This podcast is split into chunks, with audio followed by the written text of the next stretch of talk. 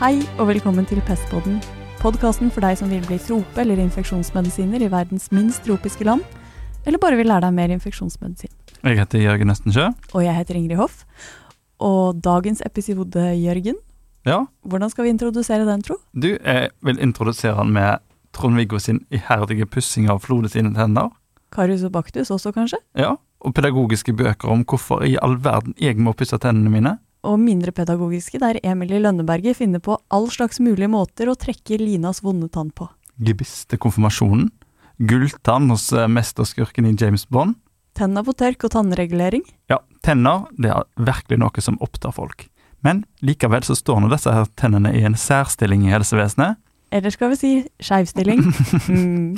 Barn de får det meste av behandling gratis, men når en bikker 18, så er det mye strengere regulert for tennene enn for resten av kroppen. Regulert for tennene.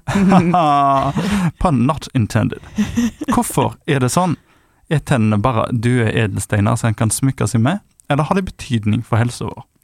Hvis ledegang er roten til alt vondt, så er kanskje munnhulen tannroten til alt som er vondt. For eh, vi vet jo, Jørgen, at eh, munnhulen ikke er steril. Lang derifra. Ja, masse, masse bakterier der. Og vi vet også at dårlig tannstatus er assosiert med ganske mange sykdommer. Ja. F.eks. endokarditt, altså betennelse på hjerteklaffene. Men man har også sett en sammenheng med hjerte-karsykdom, og spekulert i om kronisk inflammasjon som følge av tannsykdom kan føre til økt risiko for koronarsykdom, Ja. f.eks.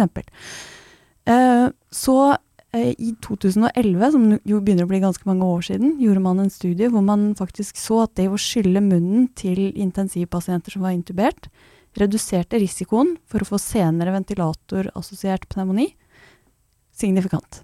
Fantastisk. Fantastisk. Så det, dette er jo på en måte ikke helt ny kunnskap. Nei. Men vi har litt ferskere kunnskap, for Mm. mens jeg satt eh, dypt i tannlegestolen med borre i jekslene og filosoferte, så hadde du deg en prat med Ruben Dyrhovden, som er mikrobiolog, og som nylig har tatt en doktorgrad, der han annet har sett på dette med munnhulebakterier og tannhelse og annen sykdom. Yes. Og det intervjuet skal vi høre på nå. Ja, jeg gleder meg. Velkommen i studio, Ruben Dyrovden, overlege på Mikrobiologen og snart klar for å disputere. Takk for det. Eh, I dag skal vi snakke litt om munnhullflora, som har vært en del av eh, ditt doktorgradsarbeid. Mm. Ja. Kan du forklare litt om bakgrunnen for eh, at du er blitt så interessert i munnhulleflora? Ja, hvor skal vi begynne?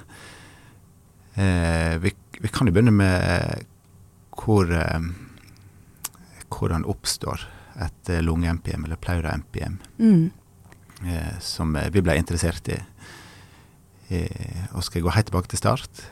Ja. Ja, så begynte det egentlig med at eh, Eller hvis jeg tenker lunge-MPM sånn som eh, vi har lært på studiet, Mm. så starter det med at du har en pneumoni, lungebetennelse, og så sprer, eh, sprer denne seg eh, lager en lokalinfeksjon i lunga, Mm. og så får du væske ut i pleurahula, Mm. en sånn effusjon, og så vandrer det bakterier eh, inn i den væska og danner en komplisert parapneumonisk effusjon, og så blir dette et MPM. Mm. Så når bakteriene fra lungebetennelsen vandrer ut i pleurahulen, hvor det er litt sånn reaktiv væske, og så danner de sin egen infeksjon der ute i pleurahulen, som vi kaller et MPM. Som vi kaller et MPM, ja. Ja. ja. Det er det vi har lært. Ja.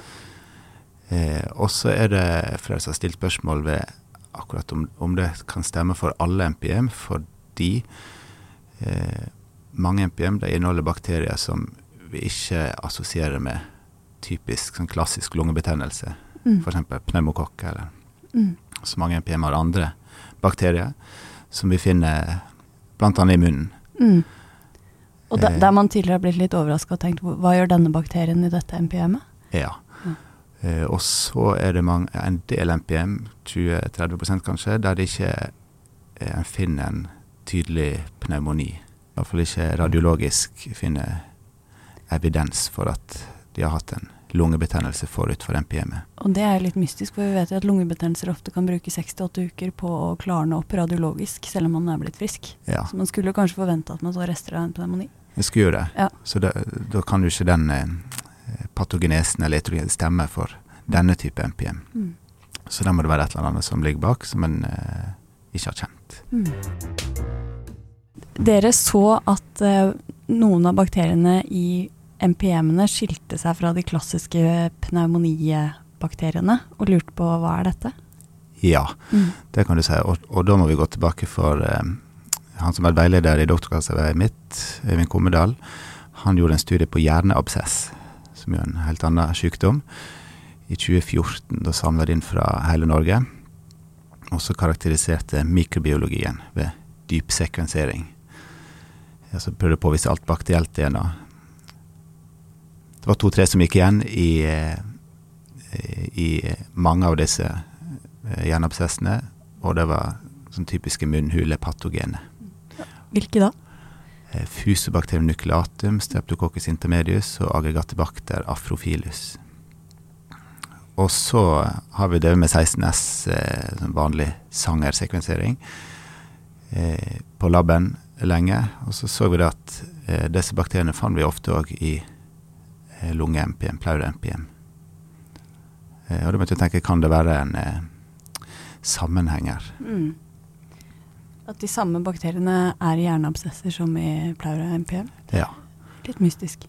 Det er litt mystisk, eh, men eh, eh, etologien ved hjerneabsess ved disse her, når de har denne munnhulefloraen i absessen, den er Der er det hematogen spredning.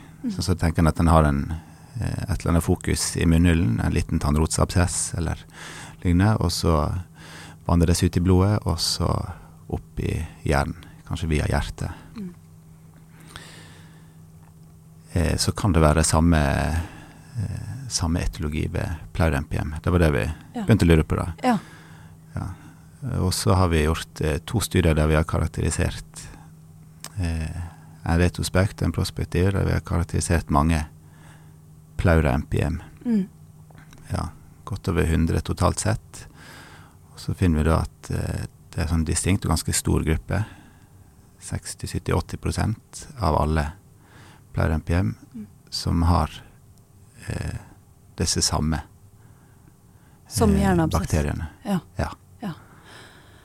Og det skiller seg fra de bakteriene som gir typisk i lungebetennelse? Ja, iallfall det som vi klassisk har tenkt i lungebetennelse, Mm. sånn som pneumokokker og hemofilus, influensa Mm. og gule stafylokokker. Mm. Ja, da skiller de seg distinkt fra dem.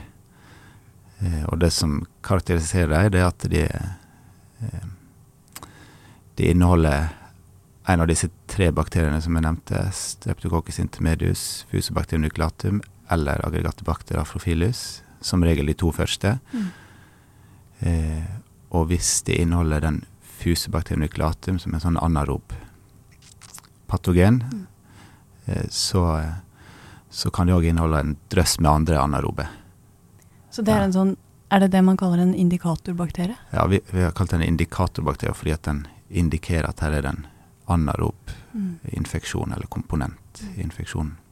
Og dette her er altså bakterier som man tidligere ikke har plukka opp på konvensjonell dyrkning. Ja, for det, det som er problemet med pleure-MPM, det er at eh, eh, det har vært vanskelig å få vekst. Fordi at eh, ofte så er det anarobe. Mm. Sånn at den mikrobiologiske diagnostikken har vært veldig dårlig. Mm. Og det har vært, eh, for de lungelegene jeg har snakket med, sånn rykte at eh, hvorfor skal vi sende prøve, vi får jo bare negativt svar. Ja. Uansett Mm. hvor sikre vi er på at det er et MPM pasienten har. Mm. Og må behandle Ja. med breispektra antibiotika, altså cefotaxim og flagyl, i mange uker og drenere. Ja, for det er jo det som er retningslinjene nå, det er cefotaxim og flagyl, og det er jo fordi at en eh, som regel ikke finner, Mm. eller iallfall tidligere har som regel ikke funnet et, eh, en årsak, og da må vi behandle bredt for å være sikker på å dekke for alt. Så hypotesen er jo kanskje at uh, disse plaura MPM-ene med munnhulebakterier også representerer hematogen spredning på samme måte som mange hjerneabsesser, da. Uh, Mm. Fra et tannfokus med infeksjon. Mm. Men ser man at disse samme pasientene med MPM har mye tannsykdom? Ja, det ser vi. Ja. Ja. Eh, og da har vi eh, gjort en prospektiv studie eh, både på Haukeland og en del andre sykehus i Norge som har vært med, der vi prøvde å få flest mulig til eh, kjevekirurg eh, kjevekirurgisk tilsyn hvis de blir lagt inn med et pleur-MPM med sånne munnhulemikrober. Mm. Og av de som, eh, som fikk tilsyn, så var det nesten oppe i 80% som Oi. hadde et uh, munnhulefokus. Ja, eller dårlig tannstatus. Mm. eh, og, og mange av dem endte opp med å måtte trekke opptil flere tenner Ja. sånn, mens de var inne. Mm. Ja. Mm. Og da har man kanskje forebygget eh, mange seinere sykdommer også hos den pasientgruppa. Det er jo veldig besnærende dette her å, å tenke at eh, både pleuro-MPM og hjerneabsesser har samme etiologi, altså Mm. hematogen spredning fra munnhulen. Mm. Men kan vi være sikre på at det ikke er f.eks. aspirasjon eller en eh, pneumoni eh, som kommer via luftrøret ned til lungene og så sprer seg ut eh, som et MPM? Eh, nei, vi kan ikke være sikre. Mm. Eh, og det er vanskelig å bevise en sånn årsak eller etiologi, Mm. helt sikkert. Men eh, vi tenker at eh, vi har mange sterke indisier på at eh, hematogenspredning kanskje er det mest sannsynlige Mm. for iallfall mange av disse MPM-ene. Og det, det er jo blant annet vi har denne ganske store gruppa med MPM der de ikke har noe underliggende pneumoni. De Mm. finner iallfall ikke med røntgen. Sånn de har kun et Mm. Det begynner med et MPM. Og der de ikke har hatt symptomer på pneumoni i forkant heller? Nei. Ja. Når du går retrospekt, for det, ofte, det blir jo lagt inn, og symptomene er jo ganske sammenfallende Mm. mellom MPM og, og pneumoni. Det eneste vi kanskje ser, er at de med MPM har, med et isolert MPM, Mm. har mer thoraxsmerte som hovedsymptom. Mm. Mens eh, en pneumoni er jo klassisk med hoste og, og dyspne ja. initialt. Og sputum, kanskje. Og sputum, ja. Ja. Og purulent. eh, Og det ser vi ikke nødvendigvis så ofte Mm. eh, ved et eh, rent MPM. Mm. Eh, Så, så det er det ene indisiet som taler for, og så er det dette at vi finner de samme bakteriene både i hjernen og i, i lungene. Mm. Og i hjernen så må det ha spredt seg hematogent. Mm. Eh, Så da vet vi at bakteriene kan vandre ut i blodbanen. Eh, Og så finner vi i munnen, så selv om de finnes i munnhulen, disse bakteriene, så er det ikke en stor del av det vi kaller mikrobiomet i munnhulen. Ja. Vanligvis hos en frisk person. Hvis du tar litt spytt og så prøver å karakterisere alle bakterier der, så vil du ikke finne fusobakterium nukleatum i store mengder. Ja. Men hvis eh, hos samme pasienten du finner en apikal, en sånn tannrotsabsess, Mm. og så karakteriserer bakterien der, så vil du finne eh, ofte at fusobakterium nukleatum dominerer. Så dette er liksom munnhulens patogener? Ja, det er det. Eh, og så finnes det en del, eh, eller noen, ikke en del, eh, men det finnes noen studier der en har tatt blodkultur rett i etterkant av f.eks. en tannrots, eller en tannekstraksjon. Mm. Eh, og så finner vi òg de samme bakteriene som vi finner i hjerneabsess og lunge-MPM, det finner vi òg i blodet Mm. i disse studiene. Mm. Ja, så da, da har vi det indis at vi vet at de, de kan vandre fra, ut i blodet fra en tannrotsabsess, eh, og vi finner de både i hjerne og, Mm. og lunge. Mm. Jeg har lært at uh, hjerneabsesser f.eks. alltid er polymikrobielle. Um, eh, det er jo fristende når du nevner det at vi finner disse bakteriene ved PCR, og tenker at vi kan smalne inn antibiotika i retningslinjene til f.eks. penicillin, som vi vet dekker mye munnhuleflora. Um, hva tenker du om det? Er det trygt? Eh, eller bør man holde seg til eh, retningslinjene, eh, selv om man påviser f.eks. fusobakterium? da? Jeg tenker at eh, eh, vi skal jo forholde oss til retningslinjene. Vi skal Mm. ikke anbefale å avvike fra dem. Men samtidig så er jo de fleste retningslinjene eh, sier jo òg at en skal ta hensyn til det vi påviser. Mm. Og så er det problemet med, med disse bakteriene at vi kun påviser det med PCR. Og da får ikke vi gjort resistensundersøkelse. Mm. Men de aller fleste av munnhulepatogener de er følsomme for penicillin og eller flagyl. Mm. Eh, Sånn at jeg tror at for alle sånne munnhul-MPM, så er sannsynligvis penicillin og flagyl godt nok. Mm. Eh, Mm. Men det er en, den PCR-en som er brukt, det er en spesifikk eh, PCR. Sant? Sånn at det er, det er mulighet for at du kan ha oversett andre bakterier i en polymikrobiell flora. Ja, så det, det vi har gjort eh, hos oss, det er at vi har eh, brukt den kunnskap vi har fått med å gjøre sånn dyp sekvensering. Da finner vi eh, alt av bakterier i et pleure-NPM, og så sier vi at der kan det være eh, veldig mange bakterier, som du sier. Av og til er de monomikrobielle òg. Men hvis du har en fusobakterium nucleatum, så er det ofte en drøss med andre anaerobe. Eh, men i og med at eh, enten i streptococcus intermedius eller fusobacterium nucleatum eller av og til aggregatibacterofilus alltid er til stede i denne typen NPM, så har eh, vi tenkt at vi kan bruke dem som en indikator Mm. eh, for hva type infeksjon du har. Mm. Eh, og så har vi laget en PCR som bl.a. finner disse tre mikrobene. Mm. Eh, Så på Haukeland også gjør vi det sånn at hvis vi finner Vi kjører PCR, eh, så kaller en MPM-PCR på alle med mistanke om pleureinfeksjon. Eh, og hvis vi finner en av disse tre, så anbefaler vi da å dekke med penicillin og flagyl. Ja. Så faktisk å avvike fra retningslinjene, da. Ja, eller samtidig vi, eh, vi har jo funnet det patogenet, det agens. Ja. Nettopp. Ja. Ja. så da Så vi behandler jo det vi har funnet. Ja. Ja. Men i lys av, dette, hva tenker du er patogenesen bak eh, MPM? Ja, hvis vi, hvis vi tenker på disse munnhull-MPM-ene, da, eh, så tror vi der at patogenesen er at det sprer seg via blodbaner, som eh, hos hjerneabsesset. Mm. Eh, og så tror vi, eller jeg tror at patogenesen eh, sånn at du har et infeksjonsfokus i munn, Mm. f.eks. en tannrotsabsess, og der har du disse bakteriene som, eh, som det er mange av. Eh, og så sprer de seg da via blodbaner, eh, og så slår de seg ned i enten lunge eller rett i plaura. Mm. Plaurahinna. Ja. Ja. Og veien, for da er det venøs drenasje fra tannrota og ned til hjertet, og så går det jo rett ut i, i lungekretsløpet. Så Ah. det er kort vei. Ja. Ja. Og så ser vi, eh, det, som er litt interessant, er at en del av de pasientene eh, som vi har inkludert i våre studier, de har en, eh, hatt et eller annet lite traume mot thorax Ja.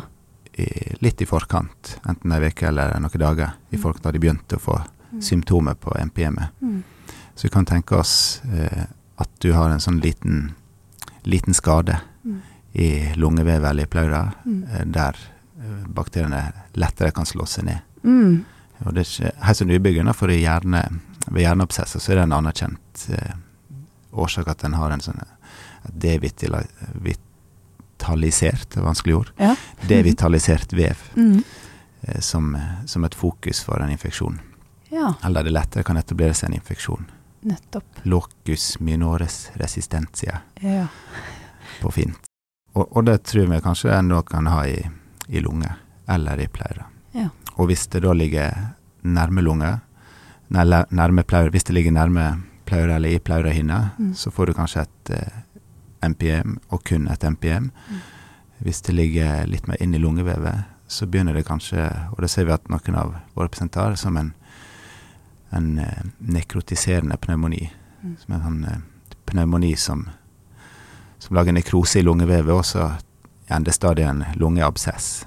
ja. Sånn at du både får lungeabsess og MPM samtidig. Ja. ja. Og det er litt spennende, for en del av de eh, pasientene som vi har inkludert med MPM, de ser på CT at de har en tydelig, og en tydelig lungeabsess, Mm. der det er en sånn kommunikasjon mellom den lungeabsessen og pleura. Mm. Så dette, dette, passer, og dette passer jo veldig godt med patogenesen, det vi har tenkt rundt endokarditt, hvor du også har locus minora resistentia, altså en skade på en hjerteklaff. Og så Ja. har du Vi alle går rundt med bakterimier fra tid til annen. Mm. Eh, og så slår bakteriene seg ned Ja. der. Ja. ja, så vi tenker at det er et eh, Det er en eh, logisk eh, hypotese, Ja. hvis du kan si det. Mm. Men hvordan kan vi finne ut av Eller hva tenker du rundt når vi skal tenke at dette er et klassisk MPM, sekundært til en klassisk pneumoni med pneumokokker, eller kanskje gule kokker eller hemofilus influensa. Og når dette her er mer denne nye typen av hematogent eh, spredt MPM. Ja. Eh, der er det jo den mikrobiologiske diagnostikken da, som må være god, som kan hjelpe. Og det er ikke så lett å skille eh, disse klinisk. Mm. Så det eneste vi har sett sånn klinisk, det er at eh, det som har sånne munnhule-MPM, litt oftere debuterer med utelukkende brystsmerte, eller sånn plaura, Mm. plaurittsmerter. Mm. Vondt å puste i, i thoraxveggen. Som er til forskjell fra en klassisk pneumoni Mm. med hoste og purulent ekspektorat og Mm. Mm. Og kanskje et traume enda lenger tilbake Ja, og kanskje et traume. Ja. Eller, men ikke alltid sånn åpenbart sterkt traume. Ja. Eller stort traume. Mm. Eh, så, så da er det den mikrobiologiske diagnostikken, og da trenger vi pleurevæske. Mm. Eh, og, og tidligere har det vært sånn eh, at den kun ble dyrka, eh, og som regel, eller veldig ofte, Mm. uten vekst. Mm. Så den måtte behandle empirisk, da. Mm. Eh, men nå har vi på Haukeland, basert på eh, den karakteriseringen av eh, alle disse plaura MPM-ene, eh, lage en PCR som målretter mot eh, bakterier som indikerer hva type infeksjon du har. Mm. Så da har vi en PCR som er retta mot eh, de vanlige pneumokokker, hemofilus, eh, enterobakteriase, sånn som E. coli og klebsiella, for det må vi utelukke, for de har stor betydning, Mm. selv om ikke de er så vanlige. For behandlingen. Ja, Ja. som behandlingsmessig, ja. Mm. Eh, og så har vi òg en PCR som er retta mot fusebakterium nucleatum og streptococcus intermedius Mm. og aggregatobacter afrofilus, Mm. som vi tenker Eller som er disse munnhulepatogene. Mm. Eh, og én av disse tre, det er iallfall den vi har sett i våre eh, godt over 100 MPM, det er alltid til stede hvis det er et munnhule-MPM. Ja. Mm. Så da kan jeg bruke det som en indikator på at her er det et munnhule-MPM. Men, men å, kan du repetere en gang til hvilke bakterier som er med i MPM-PCR-en? Ja. Eh, I en PPSN så har du med Streptococcus intermedius, mm. Fusebacterium nucleatum, eh, Aggregatibacter afrofilus, Parvimonas micra, som er en annen sånn anarob eh, munnhulepatogen, eh, som dekker flere, annet E. coli og Klebsiella. Typisk for VAP på sykehus. Ja. Ja. Eh, Pseudomonas, Mm. som jo er sjelden, Mm. eh, men alvorlig. Eh, hemofilus, influensa, pneumokokke Mm. og gule staff. Ja. Det tror jeg var alle. Ganske bredt. Det er en brei PCR, og Ja. vi finner på de samfunnserverva Den er kun validert, og vi har kun testa den ut på samfunnserverva NPM, og der finner vi eh, den patogene. Eller vi finner en bakterie Ja. i de aller, aller fleste. Dere, dere klarer å påvise agens hos de aller fleste. Ja, Ja. med spørsmål om pleurainfeksjon eller pleura-NPM. Ja, med den PCR-en. Ja. Og, og hos, eh, i gamle dager, holdt jeg på å si, før man hadde PCR, hvor stor andel klarte man å påvise mikrobe med vanlig dyrkning? Med vanlig dyrkning veldig få. Veldig få. 10, 10 prosent. Ja, 10-20. Ja. det var Ja. lite. Og så er det noen labber som gjør 16S, Mm. sånn brei, Mm. eller universell eh, 16S, eh, der jeg finner litt flere. Mm. Eh, Men eh, du ser at du finner enda flere med denne PCR-en, fordi den er, det er en spesifikk PCR kontra en Mm. universell, så den er, har høyere sensitivitet. Ja. Og det betyr at når vi da finner agens eh, på et MPM, så kan vi smalne inn antibiotikabehandlingen mye tidligere. Ja, det tror vi. Men det er ikke testa ut. Det er ikke testa ut, Nei. men det er jo naturlig å tenke at eh, du behandler jo det som, eh, som er der. Mm. Ja. Og nå er retningslinjene å behandle empirisk med Cefotax og flagyl. Eh, så kan en velge å Hvis en får vekst av pneumokokker, så er det nok mange som vil eh, endre til penicillin, Mm. monoterapi. Mm.